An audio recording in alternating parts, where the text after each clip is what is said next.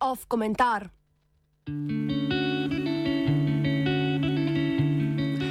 Quo vadis patria?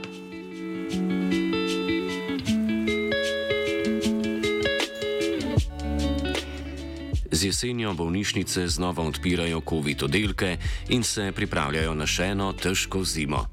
Če bi imeli za zgled skandinavske države, bi že prirejali koncerte brez omejitev. Skratka, življenje bi v marsikaterem pogledu potekalo kot včasih.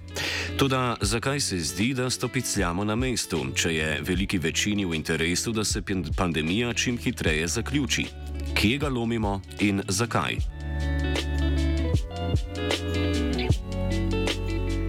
Najbolj bode v oči počasi uspenjajoča se krivulja cepljenja, na kateri ostajamo pod 50 odstotki polno precepljenega prebivalstva. Tudi nedavni rezultati raziskave Eurobarometra nam ne morejo biti v ponos. Po meritvah smo na repu držav članic glede prepričanja, da je cepljenje potrebno oziroma da gre za državljansko dolžnost, saj večina vprašanih ne meni tako.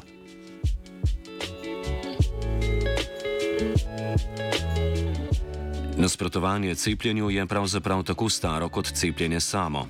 Že takoj o prvih poskusih cepljenja, ki jih je izvajal Edward Jenner v prvi polovici 19. stoletja, je nova metoda naletela na silovit odpor, kar je trajalo do preloma stoletja. Razlogi za neodobravanje so bili različni, naprimer strah pred novim, dozdevno neskladje cepljenja z verskimi prepričanji in nezaupanje v tedanjo medicino. Sliši se znano. Proticepilska gibanja so znova dobila več pozornosti v 70. in 90. letih prejšnjega stoletja. V obeh primerih je bilo v spredju prepričanje, da cepiva povzročajo nevrološke zaplete pri otrocih. Drugi val teh gibanj je imel možnost neposrednega nagovarjanja javnosti prek televizijskih soočen. Za medijske hiše je bil to dvojni uspeh. Predstavljale so se kot neutralni posredniki, ki omogočajo, da sta slišani obe strani zdravstvene dileme, hkrati pa so imele oddaje izredno visoko gledanost zaradi vsebine, ki je sprožila zelo močne čustvene odzive.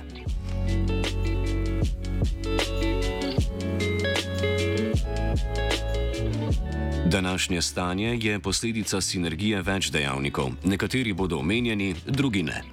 Prvi je nezaupanje v delovanje države in njenih institucij. Slednje je skoraj univerzalno, saj je ni države na svetu, ki bi se brezhibno zoprstavila pandemiji. Pri nas je odpor vel zaradi ukrepov, ki so se hitro spreminjali. Vladni predstavniki so imeli države z razlago ukrepov, pogosto pa ukrepov niti sami niso upoštevali.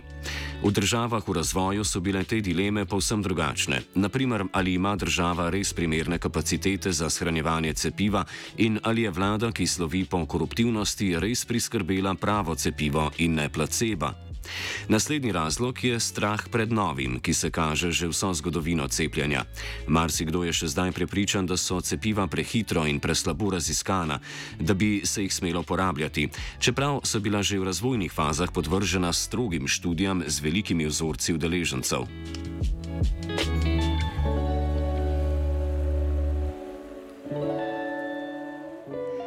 Sledi sumničavost, ki izvira iz nezaupanja v stroko. Drži, tako kot vsako drugo delovno področje, imata tudi farmacija in medicina svoje madeže, od previsokih cen določenih zdravil do plačanih seminarjev farmacevtskih družb zdravstvenim delavcem. Toda tudi cinik mora priznati, da je osnovno vodilo obeh varovanje in podaljševanje človeškega življenja, čeprav je lahko v ozadju finančna komponenta. Tudi če je bilo cepivo izdelano z mislijo na zaslužek, je bilo narejeno zato, da ljudje ne zbolijo ali celo umrejo.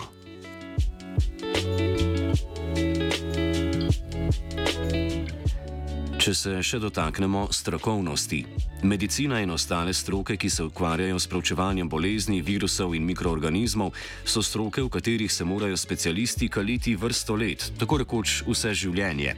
Res pa je, da je medicina razvejeno področje z obilico specializacij in subspecializacij in besed radiologa pri nasvetih o preprečevanju pandemije ne moremo nujno enačiti z nasveti infektologov ali epidemiologov.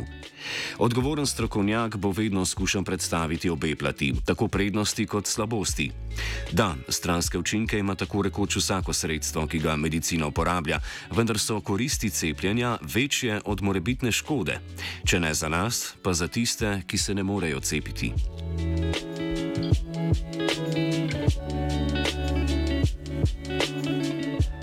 Vsi navedeni dejavniki so bili bolj ali manj prisotni že prej. Določeni novi dejavniki so krizo zaupanja še poglobili. Prvi je poskus pridobitve nadzora oziroma vsaj občutka nadzora nad lastnim življenjem. Pandemija je vplivala na vse brez izjeme. Nekateri so izgubili službo, prihranke, streho nad glavo. Drugim so prestavili ali opustili zdravljenje bolezni, ki je prav tako lahko usodna. Spet tretji niso mogli ubežati situacijam, ki so skrhale njihovo mentalno zdravje ali jih izpostavili nasilju v najrazličnejših oblikah. Vsi iščemo krivca za povzročeno trpljenje, iščemo nekaj, kar bo odgovorilo na vprašanje, zakaj se te stvari dogajajo prav meni. V takšnih situacijah se uprimemo tudi najbolj nemogoče razlage, samo da lahko sebi in drugim pojasnimo dogajanje okoli sebe.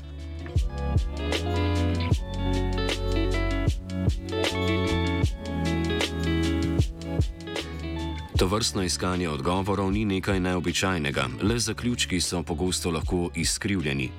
Slednje bi bilo še obvladljivo na individualni ravni, a kaj ko živimo v dobi interneta in socialnih omrežij. Prek njih posamezniki lažje dostopajo do vsebin in mnen, ki ustrezajo njihovim pogledom na svet.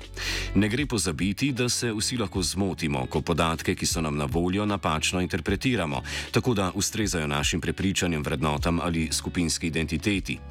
To zadnje mnogi iščejo in najdejo v skupinah od Reddita do Facebooka, med ljudmi, ki imajo ista ali še bolj skrajna prepričanja od njihovih.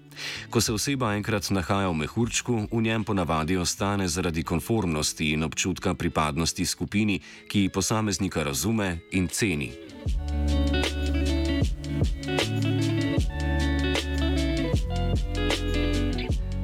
Socialna omrežja so prinesla tudi nov vir avtoritete - spletne vplivneže. Ti so imeli zvesto občinstvo že pred pandemijo, med njo pa so vzniknili novi ali pa je nekatere zaneslo med novo občinstvo.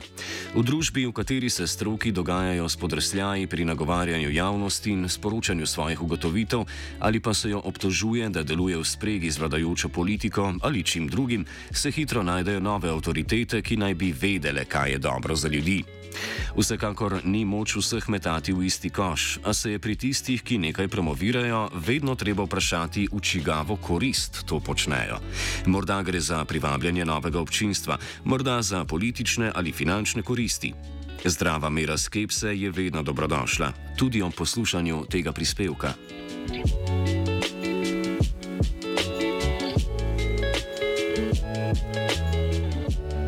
Kaj je torej še moč storiti v dani situaciji? Na družbeni ravni se zdi, da nekaj dosti, saj je javnost naveličena vsega, kar je povezano s pandemijo. Skrajen korak bo verjetno naredila vladajoča politika, ki se bo odločila za obvezno cepljenje, a s tem odprla novo fronto s pravno stroko ter delom javnosti o temi osebnih pravic in javnih dožnosti. Tudi stroka ne more prepričati prepričanih o nasprotnem, če nima vrste posameznikov, ki znajo zadeve dobro predstaviti splošni javnosti. Takšne osebe sicer so, a jih je veliko premalo, da bi učinkovito nagovorile neodločene. Več manevrskega prostora je na individualni ravni. Ne na zadnje nas večina bolj zaupa ljudem, ki jih poznamo in so nam blizu. Ključna sta tehnost argumentov in seveda poslušanje, da pridemo do jedra problema pri posamezniku. Še pomembnejše pa je zavedanje, da smo vsi le ljudje. Demonizacija posameznikov ali oddalitev od njih ne bo prinesla nobene koristi kvečemo škodo.